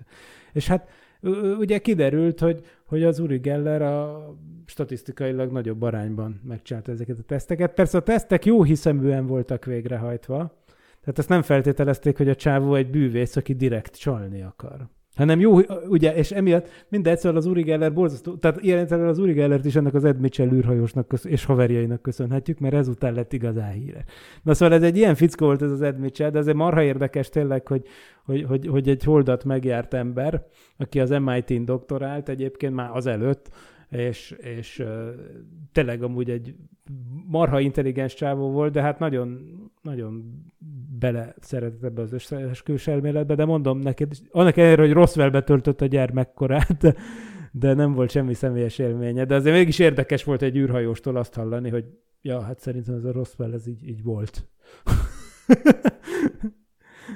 A filmben ugye láthattuk azt, hogy hogyan próbálják meg ugye egymást felülicitálva, illetve a, a kizárólagos adási jogokat megszerezni a különböző országok TV, TV csatornái a, a főszereplőktől, hogy ott állnak gyakorlatilag sorban mindegyik országnak a, a tudósító csatornái, és meg akarják ugye vásárolni a felvételt, hogy leadhassák a saját országukba, főműsoridőbe a tévében, ugye anélkül, hogy ők ugye látták volna azokat a, a felvételeket, és ugye van az angolban az egy nagyon frappáns kifejezés erre a FOMO, amit biztos, biztos találkoztatok már vele, ugye Fear of Missing Out, az ugye a félelem attól, hogy ki, ki maradunk le, vagy nem maradunk valami aktuál, aktuál, aktuális eseményről, filmről, vagy valami trendről, és ugye 90-es években ugye nyilván ez, ez technológiai technológiából adódóan a televízió, mint, mint elsődleges. Ma, ma már inkább mondjuk a, a social media folyamatos frissítése és 024 ö, ott éljük, vagy sokan ott élik az életüket, hogy nehogy lemaradjanak az aktuális trendről, és kimaradjanak belőle. Nem tudom, hogy erről, erről, erről mi, mi, a, mi a véleményetek, bár bár mi, Miki róla tudjuk, hogy ugye kő alatt élsz, úgyhogy hozzád évtizedes csúszással érkeznek meg ezek a dolgok, ha egyáltalán megérkeznek. Igen, vagy úgyse. Úgyhogy igen, én rám talán nem jellemző, a kisfiamra jellemző a FOMO. Tehát nem lehet eltenni aludni, mert mindig fél, hogy, hogy kimarad a bulik legjobb részéből. Abszolút. Szóval egy generációs jelenség, alig, ha nem. De kis, kisgyerekkoromban rám is jellemző volt amúgy, tehát ugyanúgy ott hasaltam és néztem a ablak ajtó alatti résen, hogy milyen filmet néznek a tévében a szüleim. És hát az x Ja. Meg az UFO boncolást. Nem, amúgy, amúgy most visszatérve én is emlékszem, hogy kiskoromban én is ilyen nagyon fomós voltam például, hogyha volt egy esküvő, és akkor mindig, mindig vagy egy lagzi, és akkor mindig ott akartam maradni, és emlékszem, hogy már ötöt szeretettek le az ágyba, de én akkor is felkeltem, és lementem, és megint elaludtam a széken. Tehát. Ugye Norbi biztos arra gondol, hogy, hogy most az, hogy, hogy van valami téma, amiről beszélnek kell, és akkor nehogy már neked ne legyen véleményed az UFO boncolásról, tehát akkor nyilván te is megnézed, hogy másnap, amikor izé, a munkahelyen arról csacsoráznak kávézás közben, hogy láttad-e az UFO boncolást, akkor nem maradj ki. Hát, őszintén szólva, ez, ez egy ős, ősidők óta létező jelenség. A falusi plegykának is tulajdonképpen a FOMO áll a hátterében. És... Te már hallottad? Ja, igen. És ugye so- sokszor ugye maga a, a tárgya az, az mindegy is, vagy, vagy másodlagos. Uh-huh. Nem, nem az a lényeg, hogy miről van szó, hanem hogy ugye te is, te is képbe legyen az aktualitásra. Vagy, vagy ugye hányszor ö, néha belefutunk olyanokba, hogy, hogy kiderül a végén, hogy az, az, az emberünk nem is látta, nem hallotta, nem olvasta azt az adott ö, ö, terméket, és úgy, De véleménye mondanak van. véleményt róla. De hát az, De hát ez még a magyarokra jellemző, ugye, hogy mi vagyunk a, a 10 millió, vagy hát 8 millió orvos szakértő És és egyre rossz. politológus és foci szakértő országa. Ide bármit be lehet illeszteni, ez egy kicsillagozott rész. Hát mi mindenhez értünk, hát jó, hát mi vagyunk a marslakók, tehát ennyi, ennyi azért legyen Hát szabad. igen, ezért ennyi jár, Ja. nem? Persze, így van. Így van. És az a rész a filmben azt szerintem elég érdekes, amikor ugye László mesztelenül táncol a gabonakörök közepén, és egy, egy Land Rover, és annyira jó a Land Rover végre. Land Rover Tényleg, elüti. termék megjelenítés. Ú, Géza nagy pillanata. Tehát tulajdonképpen ezzel megsemmisül a, a, a megsemmisül ugye a szalag, amit ami ő fizetett, mert ugye a széfjében van, és akkor ezzel így megörülnek ugye a Pentagonban is, hogy akkor így most elvarták a szálakat. És nagyon nagy kérdést tesz fel ugye a végén a film, mert tulajdonképpen visszakerül hozzájuk az eredeti, és ezt ők elássák. És akkor aláíratják az újságíróval a szerződést, hogy kezdhessék előről Igen, a és akkor elkezdődne az ördögi kör, hogy akkor felültetik ezt a producert is. Igen. Tehát igazából az van ott sejtetve, hogy persze amúgy egy full kamu az egész, nyilván. Tehát nem létezett az az ohio Clevelandi bácsi, akitől megvették a kópiát. Ugye ez sz- szerintem egyértelmű, de vicces ez az egész sztori, ahogy ezt a film keretezi, hogy, hogy majdnem beugrik az ezt a filmet forgató producer a filmen belül, hogy, hogy megvegye, az most aztán már tényleg eredeti kópiát a srácoktól, Igen. és akkor kezdődne előről az egész egy másik rétegben. Ez még amúgy egy annyira jó, annyira jó uh annyira jó karakterek vannak szerintem a filmben. Tehát van ez a, ja, van, van ez a srác, a szemüveges srác, aki ugye még nem ügyvéd, de ilyen jogi asszisztensnek tanul, és ő, ő képviseli a józanészt, ő próbálja mindig fékezni, hogy ne, ne csináljátok, ne így, ne úgy, ne amúgy.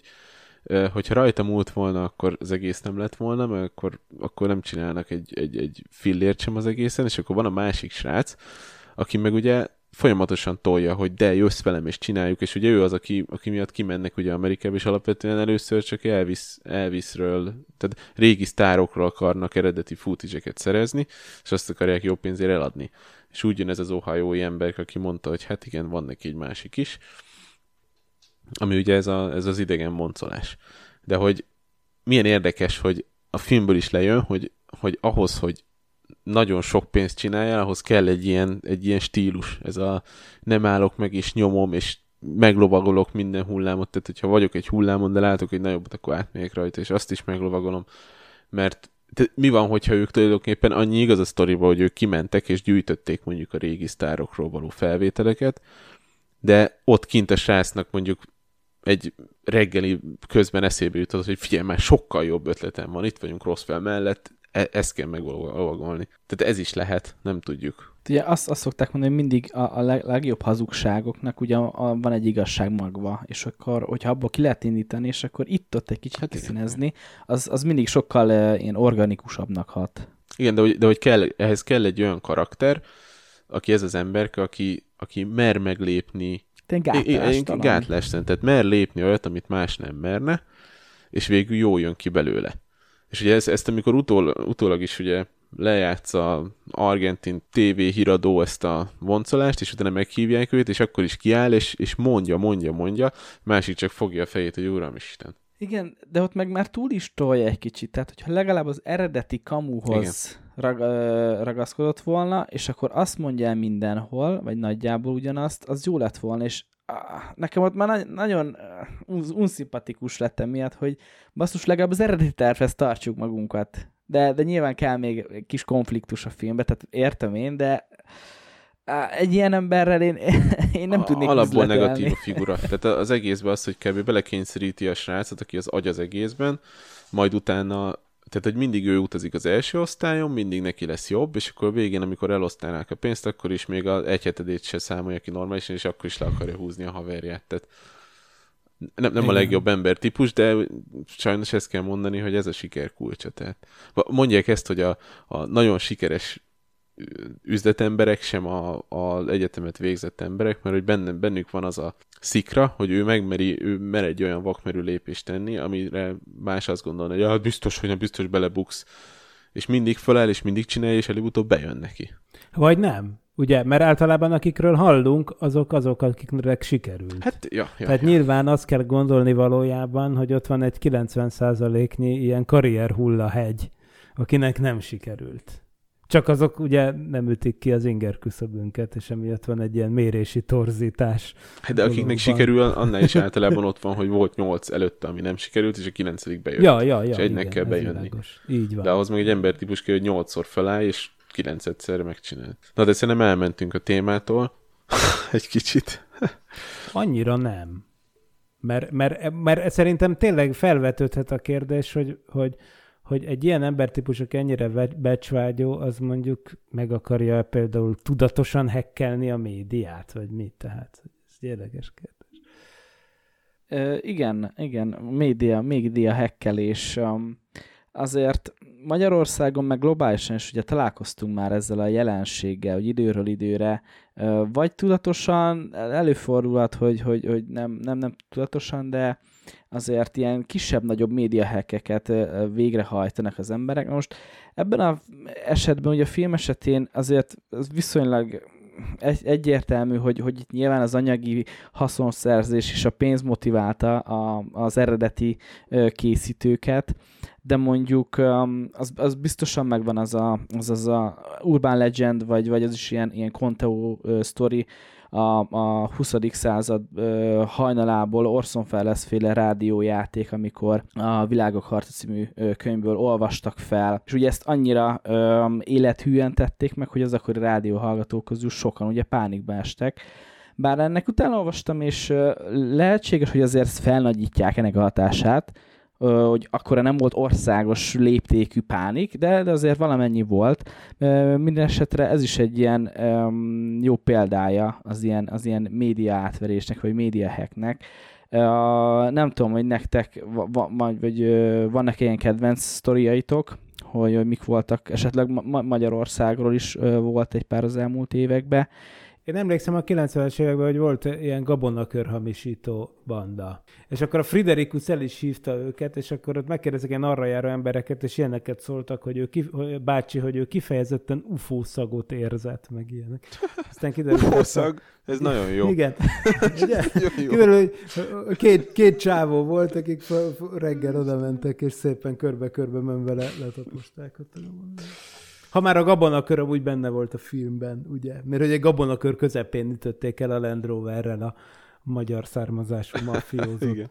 Ah, most kiderül a filmből amúgy, hogy ki vezette az autót? Hát ö, nem derül ki, mert ugye ezt a CIA ügynök ö, hát ilyen eléggé burkoltan mondja, de nagy valószínűséggel a, a amerikai... De bele milyen- kéne lassítanunk, mert ott látható egy pillanatra, hogy kivezeti az autót, és mekkora poén lenne, hogyha a főszele, főszereplő vezetné. Igen. Meg én arra gondoltam, hogy mivel ilyen régi, régi Land Rover lehet az az Ohio-i emberke. Mondjuk azt honnan tudna, hogy hova kell menni. Na de mindegy. De az biztos, hogy brit oldalon volt a kormány. Hát, Hát azt láttam, hogy jobb, jobb, jobb kormányos volt. Na mindegy, de minden esetre lehet, hogy majd kielemezzük. De szerintem most, hogyha ezt mondod, ez a nagy, nagy szenzáció, meg megvezetés, most, hogyha nem is megyünk annyira vissza, most például ez az északi áramlat fölrobbantás is egy kicsit ilyen. Tehát ugye most fölrobbant a vezeték, és akkor azért van, mi, minden oldalról vannak érvek, meg minden, tehát ez is egy kicsit ilyen érdekes. Mondják, hogy most Anglia robbantotta föl, USA robbantotta föl, oroszok robbantották föl, amikor USA-ra terelődött a gyanú, akkor hirtelen elkezdtek jönni az idegenek, és le kellett lőni őket a légkörbe. Tehát, Na jó, jó, de ez nem, ez, hogy ezért mondod, hogy ez média hack. Ez média hack, tehát, hogy ez- És azt mondod, hogy, hogy a kínai ballonokat amúgy évek óta kb. rutinszerűen lődözik le. Tehát tavaly és tavaly előtt is volt ilyen, mégse lett belőle ekkora média szenzáció. Hát én ezt gondolom. És akkor, aha, aha. mint ahogy ez ugyanaz, mint hogy mondják, hogy mostanában nagyon sok tornádó van. És ugye itt megint csak az van, hogy nincsen több tornádó, mint szokott lenni, csak hogy fölveszi mindenki telefonjára, és beküldi a helyi tévécsatornának. Na igen, ez így van. És a hurrikánokkal is ez a helyzet. Hogy ugye egy, egy gyakori tévhit az, hogy most több hurrikán van a klímaváltozással összefüggésben, mint volt. De hogyha megnézitek a számszerű adatokat, az nem mutat ilyet. Egyáltalán nem. Rengeteg hatása van a klímaváltozásnak, de speciál a hurrikán gyakoriságokban nincs. Csak egyszerűen tényleg ott van mindenki kezében a telefon, meg mindig ott van az élő közvetítés. Hogyha ennek a filmnek is, hát, ha lehet mondani, hogy van egy tanulság, akkor szerintem mindenféleképpen a ö, szkepticizmus és az, hogy, hogy valamennyire minden, bá- bármilyen um, forrásból is ö, dolgozunk, most ez legyen egy, egy újságcikk, egy tudományos publikáció, egy videófelvétel, bármi, azért, azért nem árt, hogyha egy picit úgy mindig bennünk van az, hogy, hogy kételkedünk. Főleg, hogyha egy, egy ilyen új információt ö, ö, tárunk elénk, és ennek az igazságtartalmát nem automatikusan elfogadni. Most persze nyilván ennek a ló túloldalára is át lehet esni, és azért arra is láttunk már példákat, hogy az sem feltétlenül mindig jó, hogy, hogy, hogy valamilyen, valamilyen határt ugye ebbe is meg kell, hogy, meg kell, hogy húzzunk. Nem, nem lehet magunknak ugye minden kísérletet elvégezni, nem tudunk oda menni a holdra, stb. De ugye a, a tudomány is úgy épül fel, és van egy intézményrendszerünk is, ami, ami ezekben, tehát hogy valamennyi bizalmat ö, meg kell tudni ö, ezek felé szavazzunk, hogy, hogy úgymond a, a mindennapi életünket tudjuk élni, és tudjuk tervezni a jövőnket is. Úgyhogy mi, mi, mit gondoltak arról? Milyen, milyen az, amikor, tehát hogy mennyire fontos ez egyrészt, és ö, mi van, amikor már, hogyha ezt, ezt túl is túlják az emberek? Hát szerintem a szkepticizmus, az egészséges szkepticizmus az, az kell. A, tudományos szkepticizmus úgy értem, tehát, hogy ami tényleg abban foglalható leginkább össze, hogy rendkívüli állítások rendkívüli bizonyítékokat igényelnek. Másfelől azzal is vigyázni kell, hogy azok is szkeptikusnak nevezik magukat, például mit tudom én, oltás szkeptikus, vagy ugyanezt a szót használják, akik nem ebből a fajta szkepticizmusból jönnek, mert egyszerűen nem azt az attitűdöt képviselik, hogy rendkívüli állítások rendkívüli bizonyítékokat igényelnek, hanem egyszerűen azt mondják, hogy már pedig van, amiben én nem hiszek, ha fene-fené teszik is, és igazából a nekem tetsző bizonyítékokat elfogadom, a, hogy, hogyha az azt húzza alá, amit én gondolok, és már pedig, hogyha én kitaláltam, hogy én nem hiszek a Balaton létezésében, mert én Balaton szkeptikus vagyok, akkor persze el fogom hinni az összes olyan felvételt, mint bizonyítékot, amin nem látszik a Balaton. és ugye, ugye ez nem az, tehát az a baj, hogy nagyon elkoptatottá vált a szó, hogy szkepticizmus. Mert ez nem igazi szkepticizmus, ez egyszerűen pont az ellentéte. A, a szkepticizmus ugyanis nem valaminek a csökönyös tagadását jelenti, hanem azt jelenti, hogy racionálisan megpróbáljuk felmérni, hogy, hogy mennyire lehetséges az adott dolog, és nem a lehető legbonyolultabb magyar, bonyolultabb magyarázatokat, például összeesküvés elméleteket keresni mögötte. Úgyhogy ilyen értelemben a szkepticizmus fontos, másfelől tényleg a, ne, me, ne menjünk le arra a szintre, hogy mindent meg akarunk érteni, mert akkor ki se tudunk lépni a lakásból. Tehát attól még, hogy te nem érted, hogy hogy működik a mikrohullámú sütő, vagy nem tudod, hogy milyen munkafolyamattal készül a pasztőrözött tej, vagy, vagy nem tudod, hogy... Vagy a vakcina. Vagy, a, igen, na ez az, hogy a vakcina, vagy nem tudod, hogy mitől megy a, a négyes metró, amiben nem ül vezető, és hogy azt hogy irányítják. Tehát attól még igénybe veheted, sőt igénybe kell venned ezeket a szolgáltatásokat, és ezernyi mást, hogyha a társadalom tagjaként szeretnél létezni. Tehát valamiféle, a szkepticizmust is egy értelmes keretben kell tartani, annak ellenére, hogy persze értem én azt is, hogy mit tudom én, egy új terméket piacra dobnak, mondjuk egy mit tudom én, okostelefont, senki nem tudja, hogy mik lesznek az 50 évben átívelő egészségügyi következményei, mert egyszerűen nem telik el annyi idő. Most még se lehet 50 évet várni azzal, és hogy egy tesztcsoporttal kiértékeltetni egy emberöltő után, és addig senki nem veszi a kezébe a terméket. Tehát ugye a világ nem így működik, úgyhogy, úgyhogy azt hiszem, hogy erre is igaz, hogy az arany középút a helyes, tehát amikor nagyon kilóg a lólevő, hogy nagyon furcsa állítás tűnik föl, akkor azért persze próbáljuk meg megnézni, hogy ez, ez a bizonyíték megfelelően alátámasztani látszik-e az adott állítást. De nem, ha kiterjesztjük az élet minden területére, az tulajdonképpen nem vezet egészséges szellemi, ne, mentálisan egészséges élethez. Szerintem. Ezzel tökéletesen egyetértek, és egyébként még annyit mondanék, hogy mivel én minőségügyben dolgozom, általában gyökérokokat keresünk, hogy mi miért mehet tönkre, és ezt legtöbbször ugye, nem tudom, ismeritek-e, van ez az Ishikawa diagram nevezetű fantasztikus japán találmány, ami nyolc lehetséges faktorból vezeti le, hogy mi vezethetett valamihez. És ezt, ezt sok mindenre rá lehet húzni. És akkor ez a man, method, environment, bla bla bla, tehát hogy, hogy mondjuk mit tudom én, eltört a kapa, az miért lehetett, és akkor azt ide tudod vezetgetni, hogy miért lehet. Ugyanez az öt miért módszer, és én mindig, mindig úgy vagyok vele, hogy ha van valami, akkor tedd fel ezt az öt kérdést, és általában minden, mindenért el tudsz jutni egy egyszerű válaszig az ötödik kérdésben. Vannak olyan dolgok, ahol nem, de muszáj, hogy minél egyszerűbb válaszokig menjél le, és ne fogadj el mindent úgy, ahogy van. Nekem, nekem az egyik kedvenc történetem, és nem akarom megint szegény lapos földeseket felhozni, de kénytelen leszek, pár évvel ezelőtt készült. Biztos több dokumentumfilm is van belé kapcsolatban, egyet láttam, és a film hát nyilván egy nagyon frappáns befejezéssel végződik, amikor egy, egy lapos földesek egy csoportja ugye megszállottan próbálják mérésekkel is igazolni az ő valójukat, már pedig, mint mi szerint ugye, hogy lapos a föld, és, és már igen drága berendezéseket, tehát ilyen több tízezer dolláros lézeres távolságmérő, és nem tudom, egy egész berendezés, kimentek mérni, és mértek, és mértek, és mértek, és, és egyszer nem értették, hogy valami rosszul van bekalib, bekalibrálva, nem, nem jó az érték, később megpróbálják, másnap visszamentek, stb. És hát láss csodát, sikerült már kimutatni, nem is egy pár kilométeren mértek, és ott már sikerült valamennyit kimutatniuk, hogy a, a, Földnek a görbületéből, és nem értették. Holott bebizonyították, ugye, hogy a Föld az, az mégsem az, de, de a, az eredeti ötlettől nem, nem voltak hajlandóak azt, azt feladni, és, és azzal végzett, hogy nem, hazam, összepakoltak, hazamentek, és akkor majd újra mérnek, vagy, vagy bekalibrálják még egyszer a műszert, mert itt valami elromoltott, mert ez így nem lehet.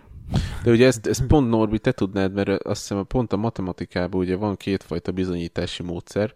Egyik az, hogy te egyik irányból mész, és azt hiszem van ez az inverse bizonyítás, hogy fölteszed az ellentetjét, és azt próbálod bizonyítani, hogy ez nem igaz, vagy valami ilyen. Igen, ez létezik. Indirekt bizonyítás. Indirekt, bocs, igen, igen, igen, igen. igen. Ja. A gyökülat mínusz egy, az, az miért nem létezhet? Ez egy ilyen klasszikus indirekt bizonyítás, de igen megint csak ez a film, tehát ez egy jó film, én komolyan mondom, olyan éhes lettem, amikor ment a UFO boncolás, tehát van az az ember, aki, aki hozta a húst, és azok a hústermékek, amiket felsorolt, dagadó, izé, belsőségek, ú, hát egy, egyből lettem egy jót. nem, nem a, sü- a süteményekre, amit a, Jaj, a, a nagymama. Hát egyrészt a sütik, meg ugye ez az ember, az egy hentes, és akkor mond, mondta, hogy hogy csinálta meg az agyát, hogy, hogy a dagadót töltötte, meg mit tudom én. Egy öt emberes családot jól lakat. Ja. Ja. Azzal az UFO aggyal, ami igazából egy dagadó. És ufonauta agy, bocsánat. Ja.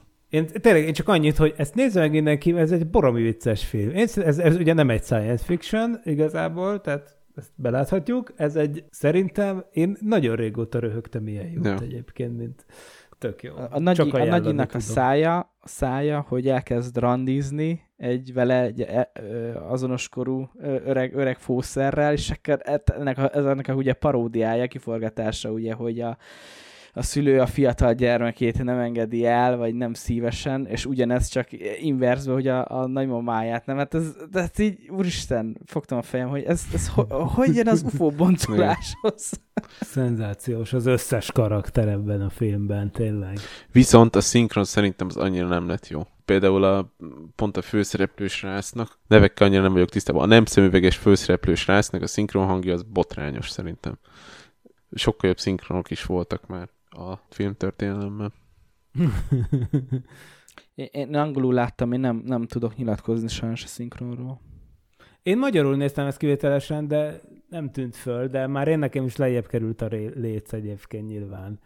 Most néha megnézzünk a kisfilmmel egy-két hupikék, törpikék, és akkor eldöbb, megdöbbenek, hogy úristen, mennyire zseni, micsoda zsenik szinkronizáltak ott. Hát igen. Ugye a Sinkovics, a Hauman, Hát meg igen, ezek. igen, igen. Na jó, jó, hát igen, az már rég volt. Igen, az azért más.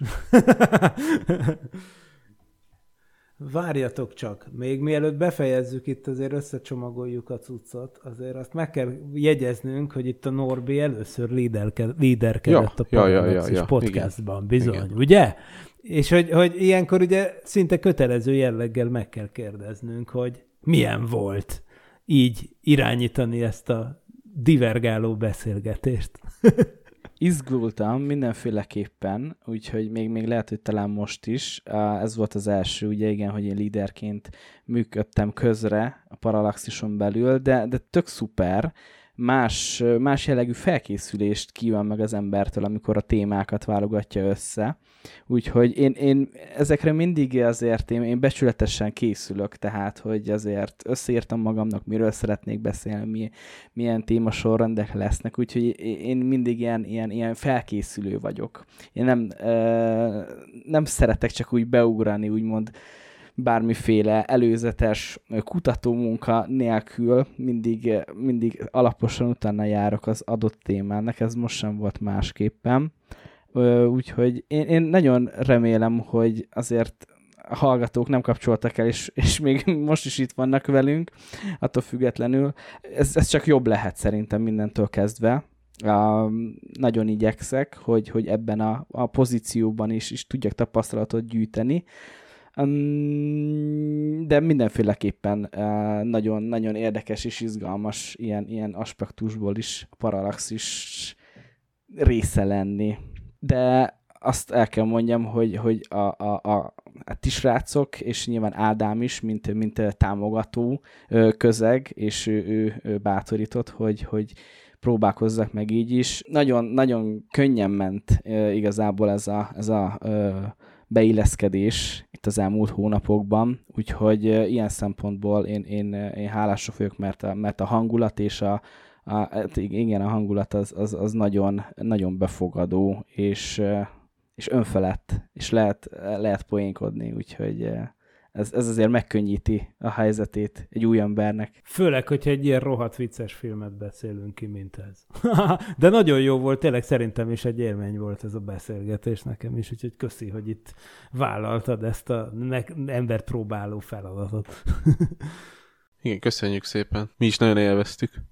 A következő adásban egy olyan filmről lesz szó, amiről én már régóta szerettem volna beszélni, Továbbra sem fogjuk teljesen elhagyni az, az UFO-s vonalat, és Jordan Peele tavalyi alkotásával fogjuk folytatni a Nem című filmmel, eh, ahol ki fog derülni, hogy mi is történik egy kaliforniai rencsen, ahol egyik napról a másikra egy rejtélyes valami megjelenik, és ott elkezdi terrorizálni az embereket.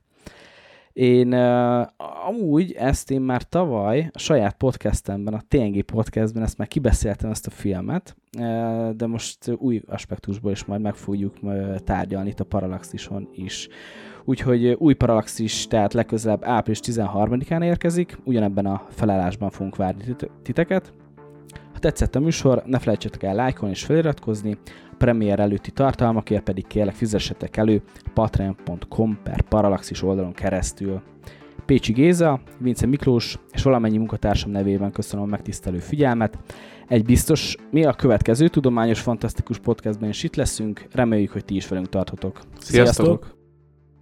Nem volt elég a tudományból és a fantasztikumból? Olvasd a parallaxis.emtv.hu-t, lájkold a Facebook oldalunkat, nézd a YouTube csatornánkat, és hallgassd a Szokolébresztőt a Tilos Rádióban. A Tudományos Újságíró Klubja és a Tudományos Ismeretterjesztő Társulat által a Juhari Zsuzsanna díj külön díjával jutalmazott blog podcastjét az MD Media készítette.